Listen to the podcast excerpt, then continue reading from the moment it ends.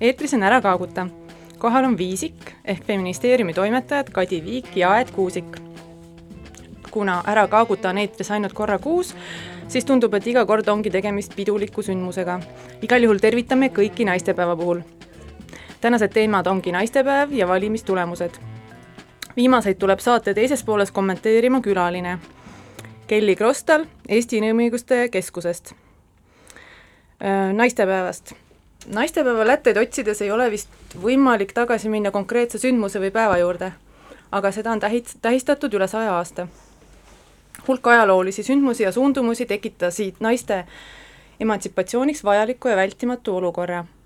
päev on seotud kahekümnenda sajandi ajaloo oluliste hetkedega, nagu Esimene maailmasõda, rahvusvaheline võitlus naiste valimisõiguse eest, ametiühingute tähtsuse suurenemine ähm,, kahekümnenda sajandi esimestel aastakümnetel USA-s, Ladina-Ameerikas, Euroopas ja revolutsioonid Tsaari-Venemaal. kaheksandat märtsi kui päeva, mida tähi, märtsi kui päeva, mida tähistada, lõid kokkuvõttes naised, kes võitlesid naiste hääleõiguse ja paremate töötingimuse, töötingimuste eest. tööstusrevolutsioon, mis äh, kaasas naised, tüdrukud ja poisid tootmisse, tähendas paljudele neist üleminekut koduse töö juurest töökotta või tehasesse, kusjuures endiselt vajas hoolt ka kodu ja palgatöö eest saadav tasu oli kaugel meeste tasust samades töökohtades. levinud oli ahistamine ja süsteemne naiste madalam väärtustamine. tuleb tuttav ette vist? nii, Clara Setkini elulugu ma ümber jutustama ei hakka, seda saate ise guugeldada, aga tema on võib-olla üks võtmefiguure, keda äh,, keda võib-olla täna meenutada tema arvas, et sotsialism on ainuke liikumine, mis saab töölisnaiste vajaduse täita, ehk siis tõmbas paralleele tollase kõrgema ja keskklassi naiste võitlus, võitlusega, jäädes ise kriitilisele positsioonile, kuna kõikide naiste äh, vajadused ei ole samad. teisena võiks muidugi teada, kes on Rosa Luksemburg ja miks äh, mm, paremmilitaarse grupi liikmed Saksamaal ta mõrvasid. Luksemburg rääkis palju sellest, miks naine peaks koduorja staatusest kõrgemal olema, võitles abieluvabaduse ehk, eest, ehk siis selle, et abielu peaks olema vaba valik, mitte majanduslik paratamatus. ja samuti seisis töölisnaiste hääleõiguse eest. Feministeeriumis tähistame tänast päeva pidulikult Eesti naiste ajaloo viktoriiniga, mille on koostanud Rebecca Põldsam ja Evelin Tamm ja tehniliselt aitas meid Triinu Sõber viktoriinis on, on küsimusi alates sellest, et kes on kultusfilmide Mäeküla piimamees, libahunt, Uku Aru äh,, režissöör või siis kuni selleni, et mis on multifilmi kangelase leiuta-, leiutajate küla Lotte lemmikspordiala. ja ma saangi nüüd viktoriini tulemused välja kuulutada, sest et ähm, sest meie koordinaatori Nele õnnelik käsi tõmbas võitjate vahel loosi, osalejaid oli ma ei tea, praeguse seisuga umbes kakssada, võib-olla üle selle isegi. juhu. Äh, ja, ja andis mulle nimed teada, saat-, saatis need just äh, oota, kas ta tõmbas loosi nagu suvaliselt vastajate Võitja, vahel või ikka nagu vahel, parimate? äh, nende vahel, kes vastasid õigesti. väga tore. ja võitjad saavad auhinnaks pääsmed Eesti Ajaloomuuseumisse, ma kohe ütlen, kes need on. nii.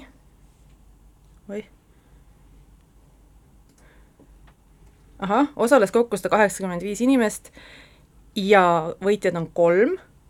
esimese võitja nimi on Pille Roaldset, teise võitja on, nimi on Alla Ehte ja kolmanda võitja nimi on Evelis Padar. ma tunnen siit ära vähemalt ühe feministeeriumi kaasautori yeah.. see on väga lahe, me võtame võitjatega ühendust.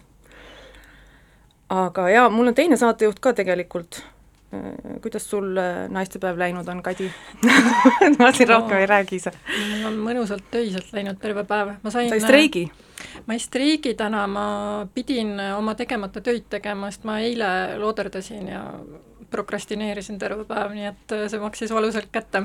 kas sina tead, mis on leiutajate küla Lotte lemm-, lemmikspordiala? ei, aga ma tean, et see režissöör on Leida Laius, see oli Aha. vist ainus, ainus, keda see oli päris kirve sektoriin vist minu jaoks oli absoluutselt liiga raske, ma imetlen neid, kes võitsid ja ma ei kujuta ette, palju punkte nad said, aga mul oli ikka päris raske. jaa, aga keegi ju ei keela guugeldama mm,. mul ei olnud aega nagu aga kuidas sul endal läks see viktoriin?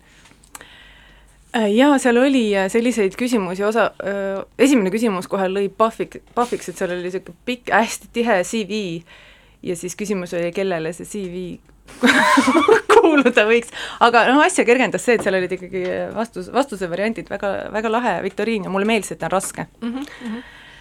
et äh, sai äh, otsida ja võib-olla rääkida sõpradega, et mis see vastus võib olla. aga kuidas sinu naistepäev muidu möödunud on, oled tähistanud, kui te, oled sa lilli saanud? ma ei ole lilli saanud ma, mulle Ida raadio produtsent soovis esimese inim-, inimesena praegu head naistepäeva, aga ma ei ole ka kodust lahkunud täna, enne kui mm -hmm. ma mhm. tulin siia. et ma tulin äh, Tõnismäelt äh, üle, üle Toompea äh, siia Kalamajja ja ja nägin jah, õitega naisi ja ja tsellofaan pakun-, pakendites lillepakkidega neid jah, inimesi liikumas, et tundub, et äh, ikkagi tähistatakse. mis selle naistepäevaga ikkagi juhtunud on, ma ei saa aru, kuidas sest mulle tundub, et see, see fenomen, mida me siin näeme, et on selline lilled ja veits selline nilbe ja ta on kuidagi nagu romantiline, ta on midagi selline valentinipäeva ja emadepäeva nagu sarnast, samas noh, töökeskkondades tähistatakse ka äh, et vot ma olen, jah.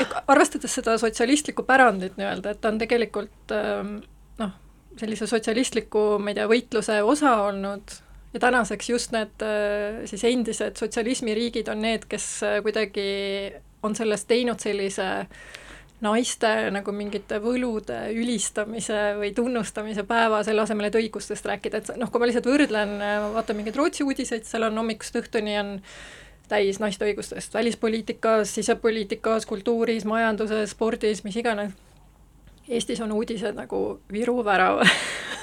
Rabav uudis oli see, et mupo andis eriloa, et äh, lillede ostmiseks saab äh, sõita äh, parkida saab. parkida. Või noh, saab ju sõita otse sinna lilleputkade, Viru tänava lilleputkade treppi ma no ma mõistan neid tagamaid selles mõttes, et, et, et võib-olla vältida ummikuid kuskil teistes piirkondades, aga, aga noh, see oli väga, väga kummaline.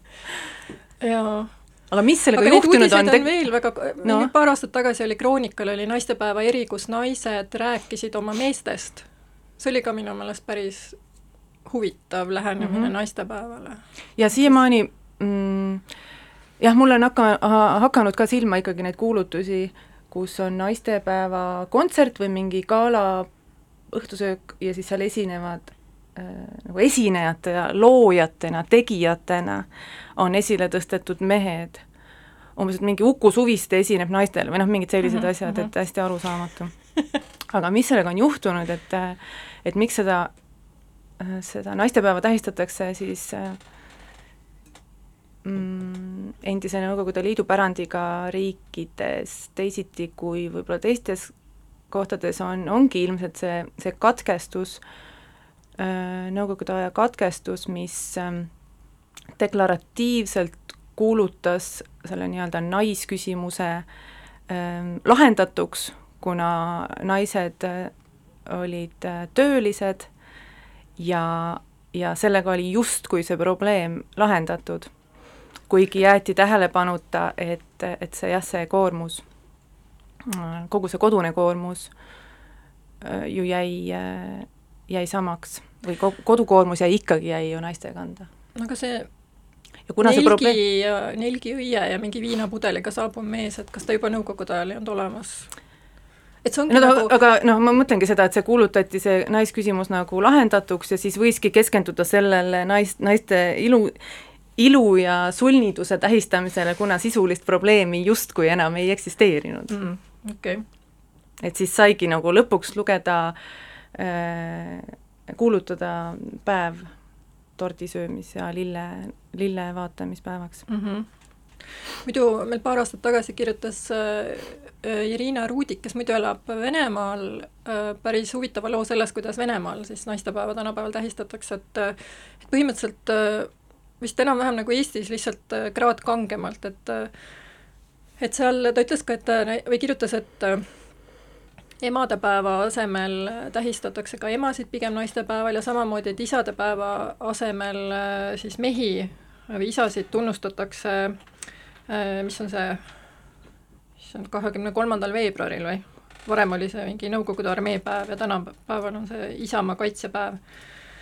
et ja siis ta andis ka ülevaate õnnitlustest, mis venekeelses internetis ringlesid ja üks nendest oli näiteks selline, et kallid naised, me õnnitleme teid selle eest, et te meile rõõmu valmistate. tegelikult äh, olen sarnaseid asju ka Eestis näinud. ja, ja eile meie vene toimetaja Jana käis raadios äh, naistepäevast rääkimas ja siis ta sai seal küsimuse, et kas äh, feministid võtavad naistepäeval lilli vastu või, või viskavad need näkku tagasi, et mida sina teeksid? Mulle vist jah, seda Taavi Libe eelmine, eelmine aasta, kui ma käisin raadios, küsis vist umbes sama küsimuse. jah, need lilled ei ole, mulle, mulle tõesti nagu lõikelilled eh, meeldivad, mis teeb, teeb must päris paha keskkonnakaitsja. Mm.. aga aga noh, ilmselt ma neid näkku ei viska, aga ma arvan lihtsalt, et mu seisukoht lihtsalt on, et need linne, lilled on äh, vähetähtsad selle päeva puhul mm. -hmm. Ehm, aga neid kont-, vot ma ei, ma ei ole ise viimasel ajal kuskil sellises suure, suuremas töökollektiivis või kontoris töötanud, aga mu sõbrad jah, räägivad, ähm, räägivad, kuidas nad ähm, mingit kontori äh, kliimat nii-öelda kontori heaolu ja head äh, suhtluskliimat tapavad sellega, kui nad hakkavad äh, naistepäeval kui saadetakse üldisesse chati või meili, meilikiri, et äh, kõik saavad all kooki, kooki ja naistele jagatakse tulpe, et siis nad postitavad sinna mingi meemi naiste õigustest, siis sellele nagu ei järgne midagi sellele järgneb vaikus mm. -hmm. või siis vestluse teemal, et kas ma tahan seda, mis asi see oli löntis tulpi või ei taha, kuni, kuna siis, ja siis see, sellele järgnes mingi selline äh, selline tegu, et see, et see meessoost ülemus ütles, et ma tean, et sa ei taha seda lontist tulpi, aga siin on ikkagi sulle tulbid. Et traditsioonidest on väga raske äh, välja kasvada, olen ma aru saanud. ma mõtlen ka, et nagu jah, et mis sa siis teed, kui tahad kuidagi tähistada päeva, aga miski ei ole enam õige. aga siis võib annetada. on see solidaarne naistepäev, kuhu saab tulbiraha asemel raha annetada. jaa, solidaarne naistepäev on Kristel Rannaääre loodud kampaania, mis on, äh, mille ta ellu kutsus selleks, et naistepäeva tulbiraha saaks kuhugi mujale annetada ja saab, äh, Facebookis saab selle kampaania üles otsida ja see raha läheb äh, vähekindlustatud abivajajatele, inimestele, kes vajavad äh, menstruatsioonihügieeni tooteid. ja see on seotud siis mm, vaesusega, rahapuudusega, aga ka üli, üleüldise teadmatusega menstruatsioonist, et kui palju ähm, noh, mida, mida see tähendab, kui sa võid nagu päevade tõttu äh, huviringidest näiteks kõrvale jääda, et sa, et sa, et sa ei saa trenni minna sellepärast, et sul ei ole neid äh, vahendeid või sul ei ole raha, et enda lastele nagu neid vahendeid osta. et hästi, hästi oluline algatus, annet-, annetage sinna. no väga tore, ja sinna saab veel mitu, mitu üheteistkümnenda, minu meelest oli see kuupäev oli üheteistkümnes märts ja see on ähm, läinud, tegelikult see annetuste kogumine on läinud hästi. nii et äh, alternatiivide jaoks tegelikult ruumi on, et need peavad olema sellised esialgu sellised äh, hästi selged, lihtsad, arusaadavad, et siis tegelikult inimesed tulevad, tulevad kaasa küll. ja tahaks nüüd loo mängida, enne, enne lugu ma tahaks tõesti öelda, et ma tahaks kõiki, kõiki tervitada naistepäeva puhul, transsoolisi naisi, mittepeneaalseid femmesid, sissoolisi naisi ja kõiki teisi, kellele naiste õiguste teemad on olulised. Ja selle sentimendiga ma tahan mängida esimest lugu, see on grupilt Rhythms of Resistance, äh, mis on siis samba muusikast inspireeritud bänd, mis moodustati sellel sügisel ja mis toetab oma tegevusega sotsiaalse õigluse teemade meeleavaldusi. Ja kindlasti märkasite neid naistemarsil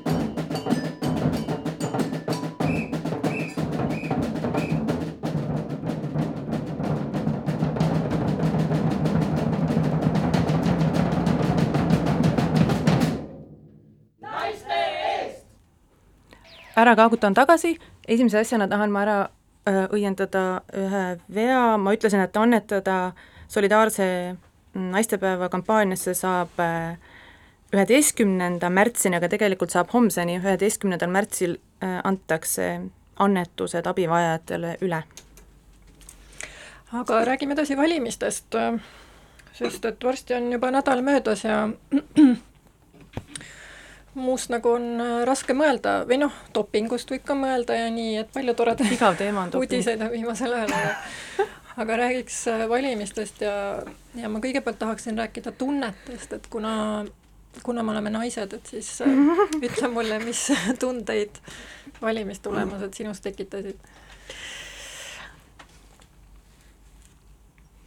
järgneb vaikus mm. -hmm. Ähm, jah, jah, tõepoolest ma, ma väga palju mõtlesin valimiste peale enne valimispäeva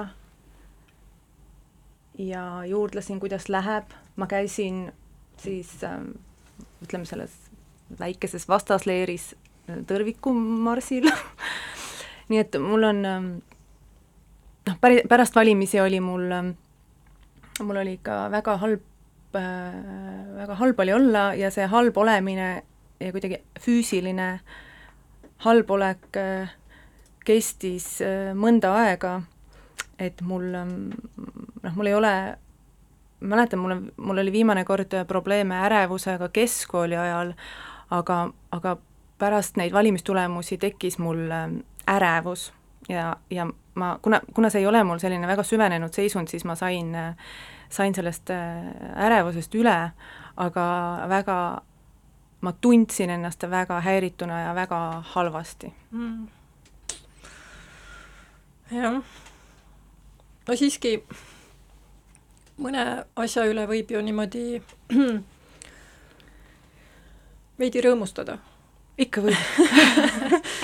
Et äh, rõõmustada võib ju selle üle, et naiste osakaal tõusis natukene et tegelikult äh, mitte nii natukene, kui seda pika aegrida vaadata, et, äh, et see tõus oli päris äh, selles mõttes selline ikkagi tähenduslik, et muidu on naiste osakaal aastaid püsinud kahekümne protsendi ümber, eelmistel valimistel oli ta kakskümmend neli, siis seekord sai kakskümmend kaheksa naist sisse, et see on nagu selline märgatav nihe. Kaja Kallasele võib selles mõttes õnne soovida, et ta on ikkagi ajaloos vist esimene naine, kes on noh, nii-öelda valimised võitnud, et ta tegi ise väga hea tulemuse, tema erakond tegi hea tulemuse.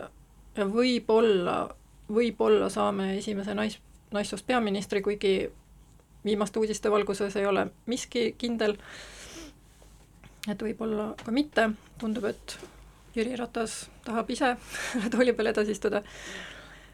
Äh, ja kui vaadata erakondade lõikes seda naiste osakaalu, siis äh, ta on muidugi väga erinev, aga et mõned erakonnad on siiski ennast ületanud, et äh, sotsidel oli viiskümmend protsenti naisi, Reformierakonnal kolmkümmend kaks, keskil kolmkümmend üks, et need on mõle-, noh, kõigi kolme puhul nagu väga head tulemused võrreldes siis äh, ajalooga. EKRE-l sai kolm naist sisse, see on kuusteist protsenti, Isamaal üks naine, see on kaheksa protsenti ja noh, EKRE-l oli see kõva tõus, ütleme sest eelmine kord oli null ja Isamaal oli eelmine kord vist kaks naist, nii et äh, et neil on see alla läinud. aga noh, ma, mis seal salata, et ma ei ole ka rõõmustanud tegelikult, et, et kui see pisikene asi kõrvale jätta, siis, siis on ikkagi masendav just see, et ütleme, et inimõigusi mitte austavad erakonnad nii hea tulemuse said. ja ka sellepärast ma olen kuidagi õnnetu olnud, et nende tulemused noh, võimendusid tänu sellele, et mitmed erakonnad välja jäid, et nad valimiskünnist ei ületanud, nii et nad tegelikult said mandaate rohkem, kui nad said protsentuaalselt hääli. ja mõtlen, et EKRE saab nüüd äh, ka ikkagi reaalselt äh, või hakkab saama väga palju raha riigieelarvest, nagu väga palju raha, äh, kuna seda ega me praegu jagad... veel ei kujutagi päriselt ette mis jah, mis muutusi ka see retoorikas kaasa toob jah, seda ma ei oska ka ennustada, sest et mõned äh, väga nagu koleda retoorika harjumusega inimesed on nüüd Riigikogus. Äh, et äh, see tüüp, kes Tartu kõrtsudes Heil Hitler karjub ja, ja see teine, kes pagulasi prussakate ja rämpsu ja ma ei tea, millega võrdleb, et aga jah, selles mõttes, et see masinavärk kui selline saab nagu kõvasti rahastust juurde, et ikkagi tõuseb nende võimekus, ma ei tea, palgata inimesi äh,, ehitada struktuuri äh,, osta konnameeme? jah, ja, ja, ja üleüldse ka oma meediaaparaati nagu üleval hoida või võimendada alternatiivsete faktide uudiskanaleid ja noh, minul oli ka muidugi nukker vaadata siis, äh, et mida siis äh, mõtlevad minu naabrid et kuna ma käisin, ma elan mitmes kohas ja siis ma käisin piirkonniti, vaatasin need tulemused läbi ka, et kõige normaalsemad naabrid on mul ikkagi Kalamajas siis vähem no, normaalsed on seal Harjumaal ja Viljandis. aga et, sa elad ka osaliselt või oled väga tugevalt seotud ähm, Rootsiga mm. -hmm. kas need tulemused kuidagi ka korreleeruvad sealsete viimaste valimistulemustega sinu meelest?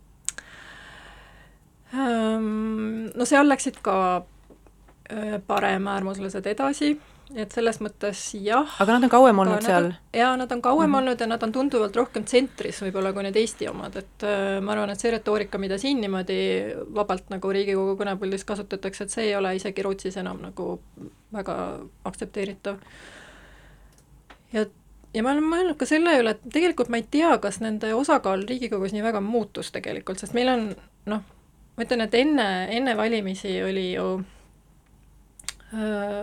konservatiivsetel erakondadel kokku kakskümmend üheksa kohta ja nüüd neil on kolmkümmend üks. Hmm. kaks tuhat üksteist sai Isamaa üksi kakskümmend kolm kohta.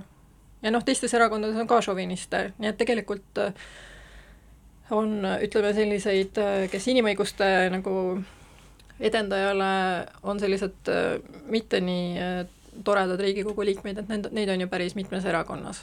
et ma ei tea, mul on tunne, et see šovinistide osakaal on võib-olla isegi sama, ma ei ole nii täpselt persoone vaadanud. aga mis ma tegelikult tahaks Rootsi kohta veel öelda, on see, et et minul on kuidagi hästi raske leppida sellega, et Eestis ka valimisosalus nii madal on, et see kuuskümmend kolm protsenti on nagu ma ei tea, et võib-olla ta Euroopa Liidu taustal on või Euroopa riikide taustal on selline täiesti keskmine, aga, aga ütleme, et Rootsis oli ta viimati kaheksakümmend seitse koma kaks protsenti, seal on mitmeid kordi ajaloos olnud üheks, üle üheksakümne ühe protsendi valimisosalus. Ja kuna ma ise olen seal viimastel valimistel ka töötanud, siis äh, meie valimisjaoskonnas on ka üle üheksakümne protsendi olnud osalus. aga mis need, ma ei tea, an-, an-, kui analüütiliselt vaadata, sa oskad mingisuguseid põhjuseid öelda või mida mida siis see Rootsi teeb hästi ähm,?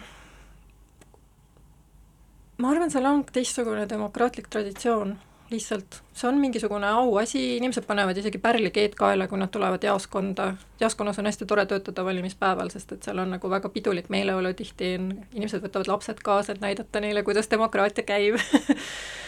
Et äh, Eestis ma tunnistan, et ma olen ainult e-valinud, et ma tegelikult ei ole seda jaoskonna nagu meeleolu üldse kogenud, aga aga näiteks mu äh, enda poeg, kes on nüüd äh, saanud kahel valimisel vist valida, et äh, tema ei läinud.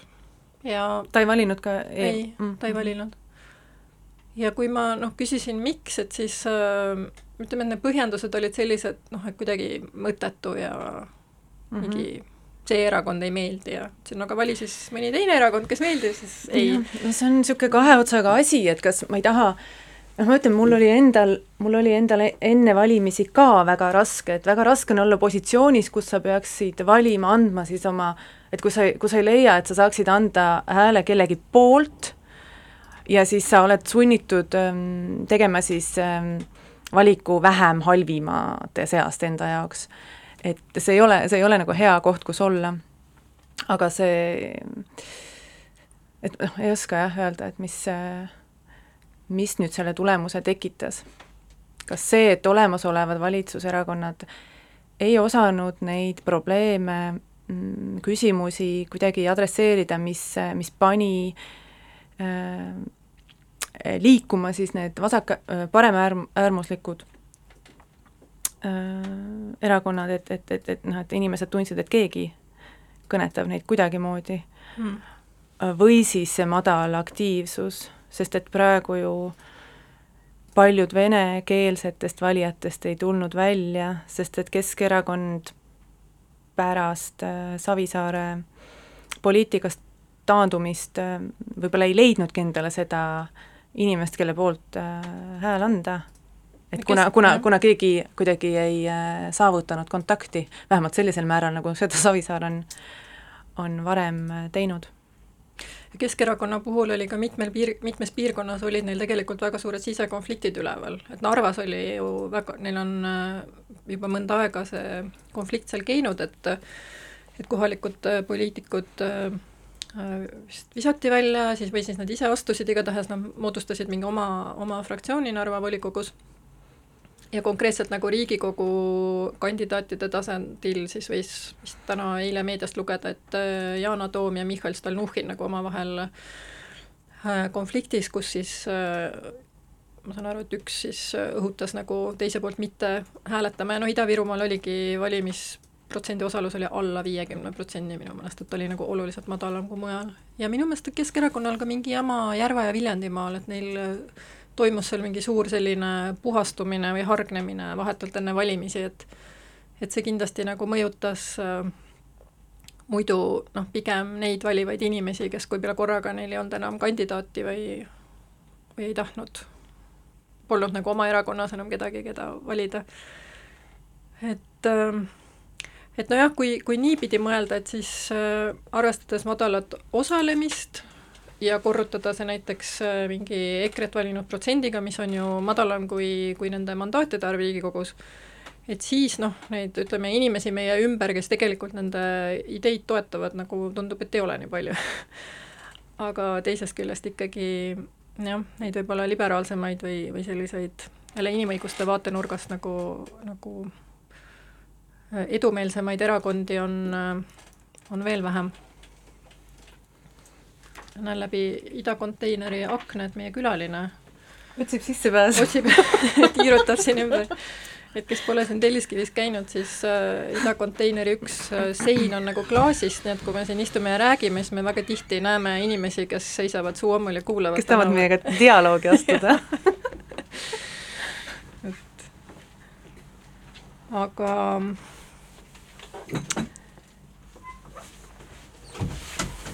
jah igatahes praegu tundub, et need sellised reaalsed valitsuse alternatiivid, mis üleval on, on ikkagi päris äh, murettekitavad. ja et äh, et neid äh, öelda murettekitavaid kombinatsioone, noh et isegi kui see ütleme, mingi Keskerakonna, EKRE, Isamaaliidu või Isamaa see koalitsioon nagu ei sünni kohe, siis ta võib ikkagi nelja aasta jooksul millalgi sündida. et see on ka noh, et see võimaluse kirve saab nagu niimoodi pea kohale rippuma nüüd neljaks aastaks, et et see tekitab masendust. aga mina tahtsin ka soovitada, me tegelikult äh, natukene põgusalt juhtkirjas sellest kirjutasime, aga et on üks väga hea raamat mille on kirjutanud Rebecca Solnit ja, ja mille ta kirjutas tegelikult äh, vist siis, kui Bush otsustas äh, Iraagi sõtta minna, mille nimi on Hope in the Dark.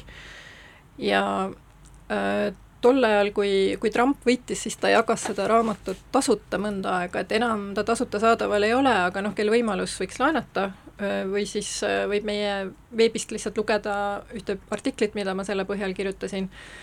sest et Solnit nagu selles mõttes pakub sellist äh, nagu adekvaatset perspektiivi ajaloole ka, et ta esiteks äh, tuletab meelde neid edusamme, mis siiski on olnud väga paljudes inimõiguste valdkondades, ta ise on nagu taustalt keskkonnaaktivist, aga just inimõigusti vaadates, et äh, mis puudutab äh, ei tea, ütleme, rassilist diskrimineerimist või naiste õiguseid või samasooliste paaride õiguseid, isegi abielluda paljudes riikides, et siis tegelikult on see progress nagu märkimisväärne, et isegi kahe tuhandete aastate, ma ei tea, algus äh, oli täiesti teine maailm kui praegu. ja, ja noh, mida ta toob välja, on ju see, et see areng ei ole selline sirgjooneline, et on muidugi on tagasilööke ja ongi nagu vahepeal samm tagasi, mitu sammu tagasi, aga et äh, tegemist on siiski arenguga ja ta, ta rõhutab ka seda, et et, et, et loomulikult toimuvad äh, positiivsed muutused paralleelselt negatiivsetega, et äh, inimõiguste edendamine toimub samal ajal, ma ei tea, üha hullema keskkonnareostusega, ja sotsiaalse õigluse liikumiste esilekerkimisega leitakse pidevalt äh, uusi viise, kuidas inimesi ekspluateerida, loomi ekspluateerida, loodust ekspluateerida. ja näiteks kui arenenud riikide naistel on üha rohkem võimalusi oma elu, keha, raha üle otsustada, siis noh, arenguriikide naiste reaalsus on ikkagi teistsugune. aga mida nagu Solnit ütleb või kirjutab, mis on nii oluline, on see, et see lootus ei tähenda selle negatiivse arengu eitamist, et ta tähendab selle tunnistamist ja sellele vastuseismist. aga et äh, lootus ei ole selline naivism, noh et kõik saab korda narratiiv, et ta on lihtsalt vastukaaluks sellele narratiivile, mis ütleb, et kõik on läbi, et nagunii pole umbes põhjust enam midagi teha et, et põhimõtteliselt nii äh, siis nendele optimistidele, kes arvavad, et kõik läheb nagunii hästi ja ma ei pea midagi tegema, kui ka siis nendele pessimistidele, kes äh, ütlevad, et kõik äh, on nagunii perses ja ma ei pea midagi tegema, et, et ta nii-öelda ütleb, et meie tegudel on tähendus ja võib-olla me ei saa sellest aru, aga et põhimõtteliselt ajalugu on nagu täis inimesi, kelle tegude tähendus on ilmnenud alles siis, kui nad ise on juba kuskil mulla all see oli väike ränd. kas paneme muusika peale ja tervitame külalist? sinu lugu vist? Äh, see on minu lugu, see on äh, Nene Cherry uh, Broken Politics, eelmine kord ma olin haige ja siis ma saatsin tervitusloo samalt plaadilt ja, ja nüüd ma saadan uuesti või mängin uuesti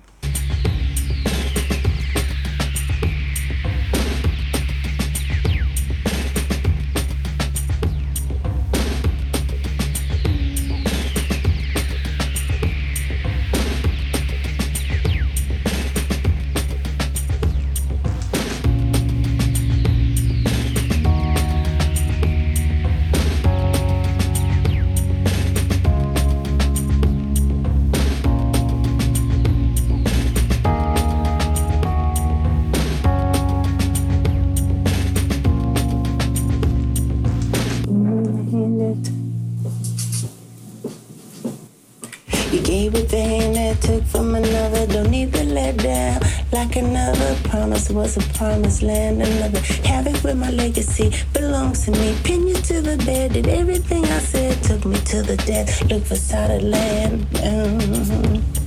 I bore my cross, found a way home. Look at me now, full speed, Wikipedia fast as I catch you. You up, beat me up, eat you like a pariah, might cheat you, beat you up, but it's meet you. Creeping up in bed, up the side of my head. Play dead, you raise the red, not my time. I play dead, you raise the red, not my time. Too fast, say that, say that. Hey, you're not my mother. Can I get a witness? I'm looking for a father. Hey, you ain't my lover. And looking for another, looking for another. Don't know you nothing. You don't know me. I owe you. You don't know me something. Don't know me something. Don't know me. Hey.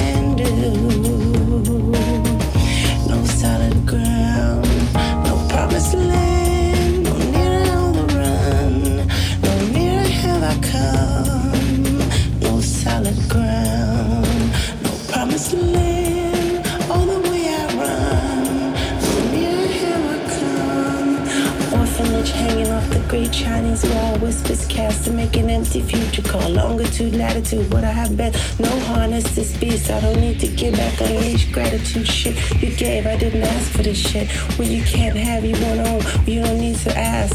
With this attitude alone, I bore this cross, found a way home. Found a way home.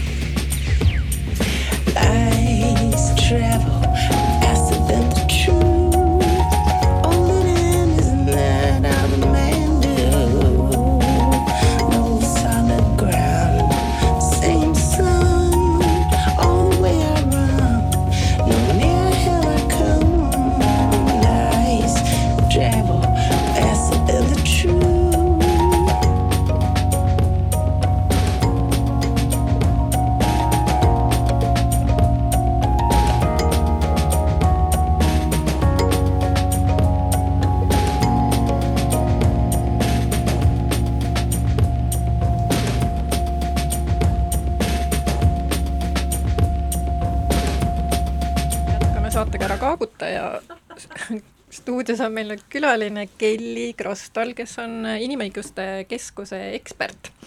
ja me kutsusime Kelly siia, et äh, rääkida ka natuke valimistest, äh, sest et äh, Inimõiguste Keskus tegi enne valimisi analüüsi erakondade valimisplatvormidele ja samamoodi saatis ka soovitusi erakondadele, et mida nad oma valimisprogrammides arvestada võiksid aga kõigepealt, Kelly, ma küsin äh, sinult sama küsimuse, mida ma küsisin äh, oma saatejuhilt Kuusikult, mis tundeid valimistulemused sinus tekitasid? sa võid vastata tere. nagu naine. võin vastata nagu naine, tere kõigile, aitäh kutsumast, et äh, ma ei tea, ühtepidi oleks ju see, et äh, ma kuulasin ka Tiit Ilusist enne muidugi siin äh, F-hoone kohvikus, et äh, mis tundeid see tekitab peale valimisi, sellesamasel õhtul on ju. ma ütlesin oma mehele, et ma hakkan kohe nutma mitu korda, nagu tõeline mm. naine aga, aga ma ei hakanud ja mu poeg oli minu meelest isegi veel rohkem mures, kui mina tollel hetkel olin aga nii et ühesõnaga, meil oli perekonnaga niisugune kollektiivne mure Eesti pärast, aga teistpidi, nagu teiegi ütlesite, mind küll see Kaja Kallase tulemus äärmiselt palju rõõmustab. Ja miks see mind rõõmustab, on võib-olla see, et et noh, üks asi on see, et et ta on naine ja ta sai tõesti nagu niivõrd mark-, märkimisväärse tulemuse, aga teistpidi, kui me nagu mõtleme üldse laiemalt sellele, et mida me oleme võib-olla viimased viis aastat sotsiaalmeedias näinud, siis me oleme ikka näinud väga jõulist sellist machokultuuri kasvamist ja niisugust, et näiteks ma ise võin öelda, et kus iganes ma olen sõna võtnud, mul on seal mingi kolmkümmend meest, kes on mind äh, tembeldanud, küll äärmus mm., ma ei tea, vasak-punane, mis iganes need sõnad on, et et no ma ei tea, ükstaspuha jah, kõik, kõik, mida nagu maailma patud, mis saab olla, mis nad on suutnud välja mõelda äh,, aga, aga ma ei ole nagu väga palju, noh muidugi on olnud naisi ka, kes on sama teinud, aga see on ikkagi olnud väga tugevalt selline jõuline meesterünnak iga kord, kui ma olen midagi öelnud, või Twitteris või, või kus iganes, eks ole, et äh, ja, ja siis ma olen tõesti mõelnud, et mingis mõttes Kaja Kallase nii tugev häältesaak, ükstaspuha nagu kas, äh, kuidas see erakonnaga on või ei ole, on äh, niisugune vaikivate naiste protest omamoodi No, et naised, kes ei kakle, kes ei kiru, kes ei käi räntimas sotsiaalmeedias, see oli nende võimalus teha väga hea valik sellel valimisel. Mm.. et selle üle ma olen rõõmus, ma olen Kaja Kallase üle väga rõõmus. jaa, ma olen ka kusjuures äh, selles mõttes elan talle kaasa, et et ma nägin ka, noh, kui ta tuli, et tal tegelikult oli ju päris raske nii oma erakonnas kui, kui väljapoole, et äh, hakkas selline just tema selline, ütleme, juhi äh, nagu äh, jõulisuse kritiseerimine peale, et et äh, kas ta on liiga pehme ja kas ta on liiga ebamäärane või kas ta räägib, ma ei tea, kuidagi liiga analüütiliselt, et ta peaks olema jõulisem. et selles mõttes mul oli ka väga hea meel näha, et ta on, äh, ilmselt tema aktsiad on nüüd oma erakonnas nagu tunduvalt kõrgemad ja, ja ikkagi ta on ka näidanud, et, et võib sellise teistsuguse juhtimisstiiliga hästi teha.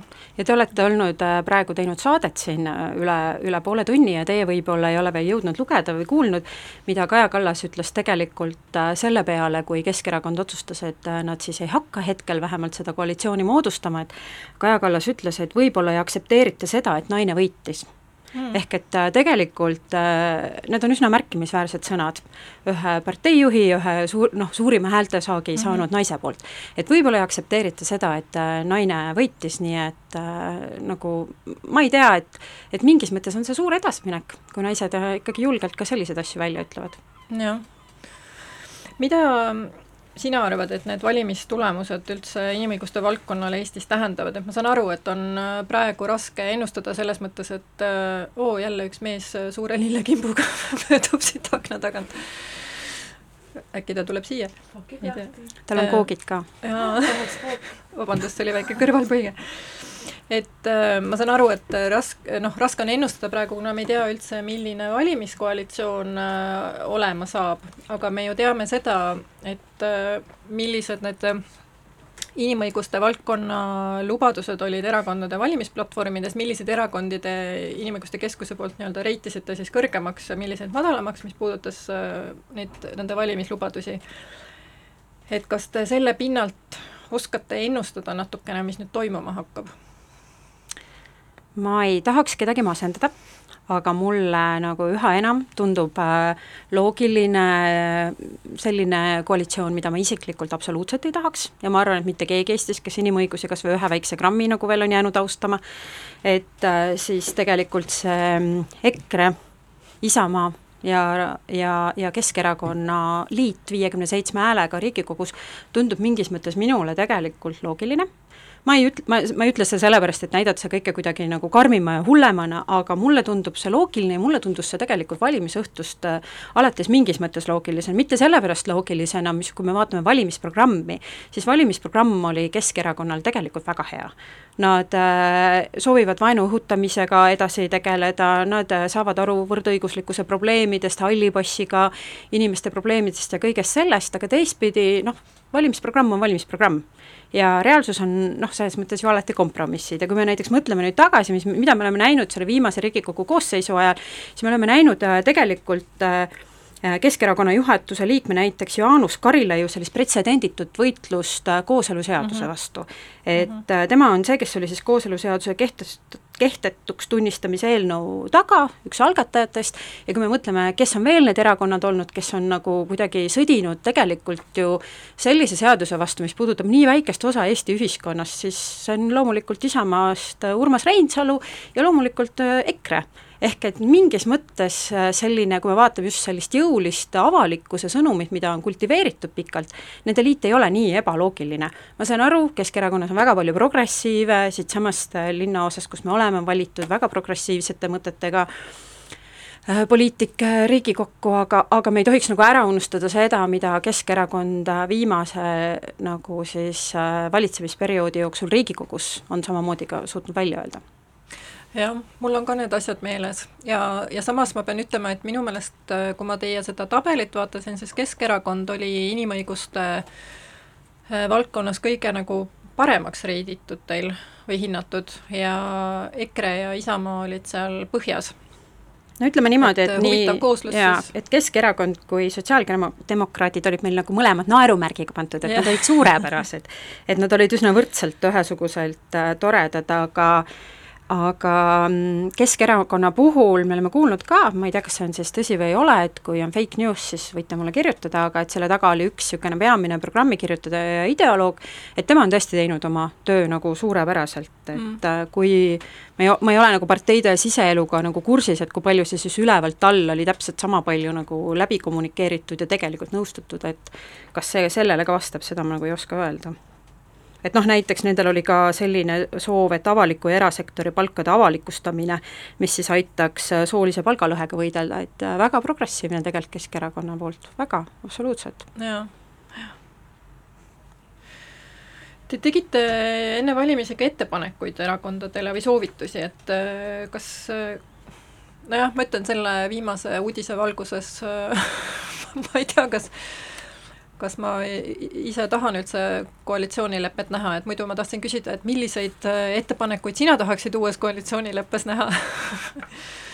Kas... mul on mingis mõttes äh, selline, äh, kui tohib üldsegi nagu samm tagasi vastates teha, et et mul on ka nagu juriidiline haridus ja, ja pidanud kogu aeg väga palju tegelema erinevate uuringutega ja kohtus käimisega ja tahaks vastata ju kõikidele küsimustele niimoodi sellise eksperdi põlve pealt, aga teistpidi mulle tundub, et äh, me elame niisugusel, nüüd on niisugune aeg käes, et kus nagu kõik see teadmised, mida me oleme, et ema ütles, et ole kodus, ole koolis tubli, saa viis ja tüdrukud peavad alati viisi saama ja et nagu võib-olla isegi nagu need, mis seal täpselt nagu mingi programmis valimisettepanekud, et need on nagu jätkuvalt olulised, olulised, aga me elame niisugusel mingi eriliselt tugeval emotsiooni ajastul.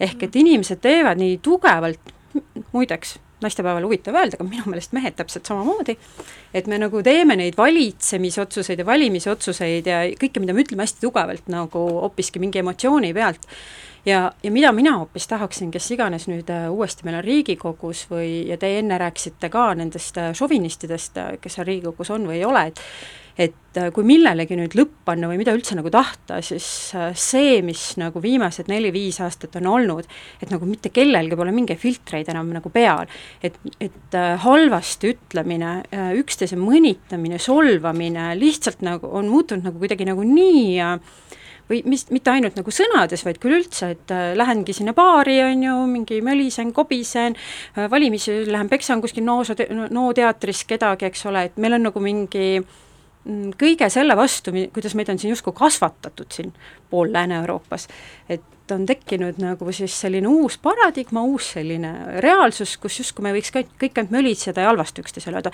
mina tahaks, et see lõpeks ära, kes iganes nagu nüüd selle uue koalitsiooni teeb.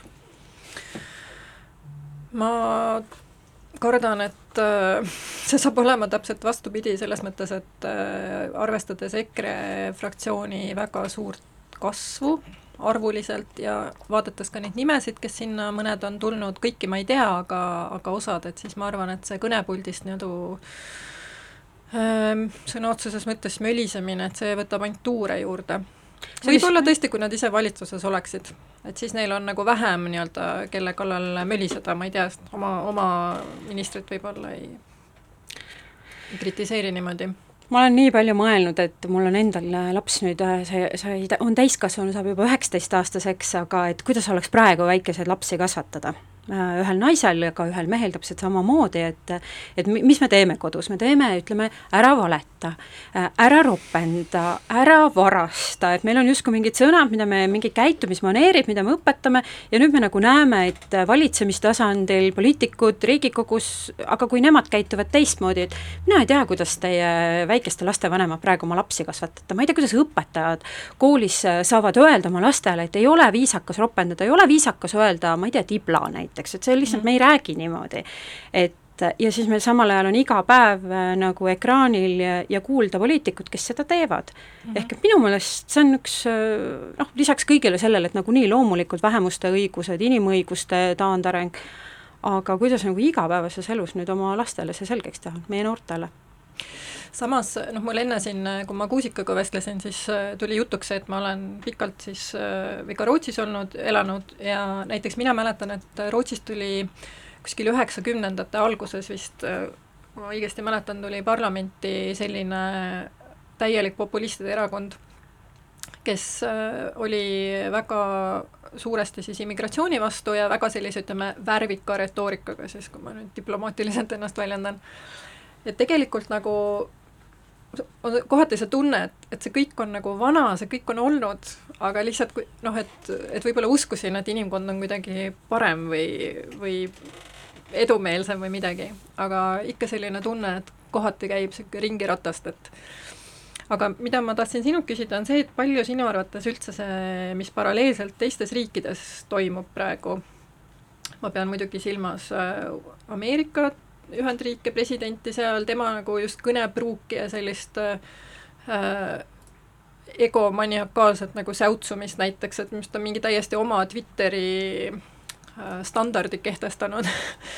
Äh, samamoodi noh, Ungaris on, on ka teisi näiteid, võib-olla nad on lihtsalt meil geograafiliselt veidi kaugemal, aga ütleme, et kes nagu väga räiget retoorikat kasutavad ja, ja just vähemusi halvustavad, süüdistavad palju sa arvad, see mõjutab Eesti poliitikat? Kindlasti mõjutab, selles mõttes ma üldse näiteks ei vaidle ka vastu siis nendele EKRE inimestele või nendele netitrollidele, kes ütlevad, et vot, et meie oleme saanud väga palju läänest nagu, et me kui me räägime inimõigustest, me oleme sealt saanud inspiratsiooni, muidugi me olemegi tegelikult saanud, Euroopa Inimõiguste Kohus, nii palju tuleb nagu sealt selles mõttes head praktikat, kuna lihtsalt võib-olla on demokraatia kogemus on nagu pikem. ja samamoodi me näeme ka seda, et Eestis siis nii-öelda paremäärmuslikud jõud saavad sealt pidevalt nagu inspiratsiooni ja mitte ainult poliitikud, poliitikas, kui me võtame kas või äh, siis selle sihtasutus Perekonna ja Traditsiooni Kaitseks, me oleme ju isegi näinud, et nad on lausa teinud siis copy-paste ju mm, -hmm. ju teatud liikumiste selles mõttes nagu visuaalist, sõnumitest, et et loomulikult ja mingis mõttes nagu ei taha nüüd kellegi viha alla selle peale, sellega nagu langeda, mis ma nüüd kavatsen nagu öelda, aga, aga kui inimesed otsivad, inimesed otsivad ju ikka natuke neid, kellega nad mingeid mõtteid nagu jagavad, et äh, is, iseenesest summa summarum see justkui ei olegi nagu halb, et et kui ma olen selliste äärmuslike mõtetega vähemuste suhtes ja ma ei leia piisavalt palju siin toetuspinda, vaatan, mis to-, toimub kuskil mujal või vastupidi, et et ma olen feminist, ma toetan naiste õigusi, ma vaatan, mis toimub kuskil mujal, et loomulikult äh, see mõjutab ja kui tollel hetkel on siis teistes riikides see justkui niisugune naiste vastasus, inimõiguste vastasus väga moes, siis ilmselgelt tuleb seal rohkem niisuguseid praktikaid, mis on toimunud toimunud, toiminud ja toimivad, eks ole. et loomulikult see mõjutab väga-väga tugevalt, aga muidugi ma Trumpi kohta ütleks, et noh, see on nii eri case, et siin te võite, tehke neli saadet järjest, siis ka ei saa seda nagu ära analüüsida, sest esmaspäeval oli just Välisilmas ju näide, Välisilma dokumentaalfilm oli, oli, oli temast järjekordselt, noh neid on ilmselt nüüd juba miljon tehtud ja, ja loodetavasti dokumentalistidel tänu sellele nagu ainest jagub, aga noh, seesamane tema tuntud lause oli seal ka, et ma võin viiendal avenüül inimese maha lasta, minu nagu valimisreitingud mitte kuhugi sellest ei kao mm.. see on see reaalsus, kus me elame. ja kuidas äh, sina oma, ütleme, motivatsiooni säilitad siis selle kõige valguses, et äh, mida üldse inimõigustest hoolivad inimesed peaksid tegema, et mitte kaotada oma lootust ja teotahet? mul on vastupidi, mul on totaalne motivatsioon nüüd.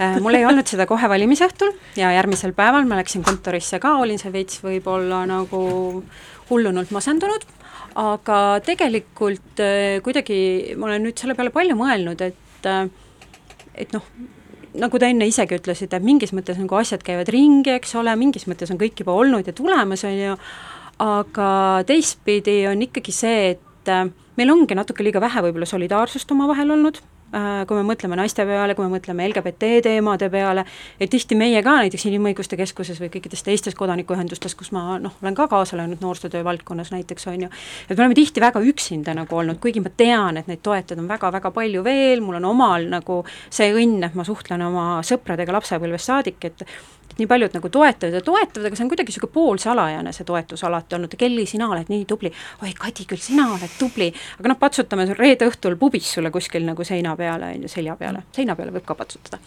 Aga et äkki nagu see, kui see on nii mustvalgelt meie enda silme ees ka, et Trump oli meile kuskil seal kaugel, mingi hull, eks ole, noh, Ameerikas on alati olnud mingid natukene teistmoodi maa, kõik on suurem, kõik on võimsam, on ju, et äkki me nagu nüüd näeme, mis meil nagu tegelikult kaalul on et äh, see nagu võib anda hoopis mingi niisuguse väga erilise lootuse tulevikuks mm,. Aga see on äh, päris äh, hea võib-olla või head sõnad, millega lõpetada, et selli-, või noh, sinuga vestlus, et selline positiivne noot, et et või tahad sa midagi veel öelda? jaa, ja mul oli üks väga huvitav, huvitav positiiv, miks ma nagu hakkasin üldse positiivsemalt kõige peale mõtlema, see ei olnud ainult EKRE, vaid kõige selle suhtes, et et et, et nagu, et ma avastasin Twitteris, ma ei tea, kas te teate, niisugune inimene nagu Viljar, Viljar Arakas, kes oli ka kahe tuhande kolmeteistkümnenda aasta ärijuhi tiitli sai, eks ole, tal on varavalitsemise ettevõte, tegu on ühe äärmiselt jõuka inimesega Eestis, eks ole, ja tema tegi niisuguse tweet'i, kus ta ütles, et ta andis siis hääle Reformierakonnale, aga pole vastu tänasele tulumaksuastmestikule, ebavõrdsuse vähendamine on olu-, oluline. ehk et minu meelest nagu, mida ma vaatasin ja see pole ainult Viljar Arakas, vaid mida ma olen veel märganud ka Reformierakonna puhul, et tegelikult või ka Kaja Kallase võitva Airis Meieri tänane artikkel sellest, et -hmm. aitab küll naiste peksmisest, et, et et meil on neid positiivseid äh, näiteid nagu ka, et, et äh, see annab seda lootust jaa, ja meie võime positiivse näitena mainida seda, et kui me e-, siin eelmine nädal või üle-eelmine nädal tegime Tartu Kunstimuuseumis äh, kunstituuri, Äh, Kadi Estlandi Neti Nüganeni näitusel, siis äh, osales konstituuril ka Andrus Ansip. ma algusel arvasin, et see on nagu lookalike, aga see oli tema, nii et meil on nüüd tema allkirjaga osalus tulemas ministeeriumis. nii et äh, väga jah, ootamatud liitlased või inimesed võivad tekkida. Ehm, sina oled valinud sooviloo, et räägi mulle kõigepealt, miks sa selle valisid ja mis see on ja siis ma ise ütlen veel paar sõna lõpetuseks, enne kui ma selle käima lükkan. jaa, seega ma pean hästi ruttu ütlema, eks ole, et et, et teg-, minu soovilugu või niisugune lugu, mida ma tahaks, et te kõik kuulaksite ja lisaks te võiksite ka tema plaati osta muidugi, on äh, Kätlin Mägi Äh, ja laul on Koka-Nokka ja Kätlin on siis üks Eesti selliseid äh, tuntumaid pärimusmuusikuid ja miks ma tema valisin, see, et Kätlin on minu klassiõde, minu üks äh, parimaid sõpru varasest lapsepõlvest ja ja võib-olla meil on vahel olnud pärimusmuusikuste suhtes ka teatud eelarvamused, et nad kõik on nii hirmsasti noh, noh jah. aga see ei ole alati mitte niimoodi, vaid mina võin öelda, et mul on noorest põlvest väga palju niisuguseid inimesi, kes on pärimust uurinud ja, ja seda eestlaste juurt ja kõike nagu sügavalt vaadelnud läbi muusika, kultuuri, mis iganes, aga samas saades aru sellest maailmast, kus me täna elame, vähemuste õigustest ja nii edasi ja nii edasi, et mul on väga suur rõõm, et mul on äh, selline sõber, kes teeb pärimusmuusikat, on samal ajal niisugune ägedalt äge inimene ja, ja see laul on iseenesest ka hästi kihvt, et see on siis Märjamaa lastelaul tegelikult aastast tuhat üheksasada kolmkümmend seitse. kihvt laul. okei okay,, aitäh, kohe, kohe saate seda kuulda, aga enne kui ma kuulata, aga enne kui äh, ma loo käima lükkan, siis tahtsin kutsuda teid äh, kliimamarsile, mis toimub järgmisel, või kliimastreigile, on see vist, järgmisel reedel igatahes kella kümnest kaheteistkümneni. see on tööpäev, see on reede, ütleb Aet siit kõrvalt, nii et äh, te peate siis streikima reaalselt, mina igatahes mõtlesin küll, et ma teen seda. Ja siis ma tahtsin veel öelda, et kui teile meeldib see muusika, mida me siin podcastis mängime, et siis meil tegelikult on Spotify's täiesti olemas playlist, kuhu me kõik need lood üles lükkame et võib vajutada random shuffle'i peale ja ja kuulata ja listi nimi on Feministeerium Kadi, kas ma seda tohin öelda, et see laul, mis äh, ma enne soovitasin, miks see on veel eriti äge naise poolt, et kõik need pillid on tema poolt äh, sisse mängitud? jaa, sa tohid seda väga tore. ja siis ma tahtsin veel öelda, et kui te tahate täna naistepäeva tähistada, siis on äh, Tallinnas äh, mitu pidu, võib-olla mujal ka, aga mina äh, tean ainult neid, mis Tallinnas toimuvad, et äh, üks on Sveta baaris, teise kohta ma enam ei mäletagi, igatahes on mõlemat kohta saab lugeda meie uudiskirjast meie veebis Äh, aga nüüd siis tuleb Kätlin Mägi ja Kokanokast. kokanokas norina, noodirihmast riivati. Kokanokast sain norina ja norinast sain noodarihma ja noodarihmast sai riivati ja riivatilt sai riidekotti ja riidekotist sai komina ja kominast sai kokanokka. noodirihmast riivati. Kokanokast sain norina ja norinast sai noodarihma ja noodarihmast sai riivati ja riivatilt sai riidekotti ja riidekotist sai komina ja kominast sai kokanokka. noodirihmast riivati, riivati, riivati, riivati,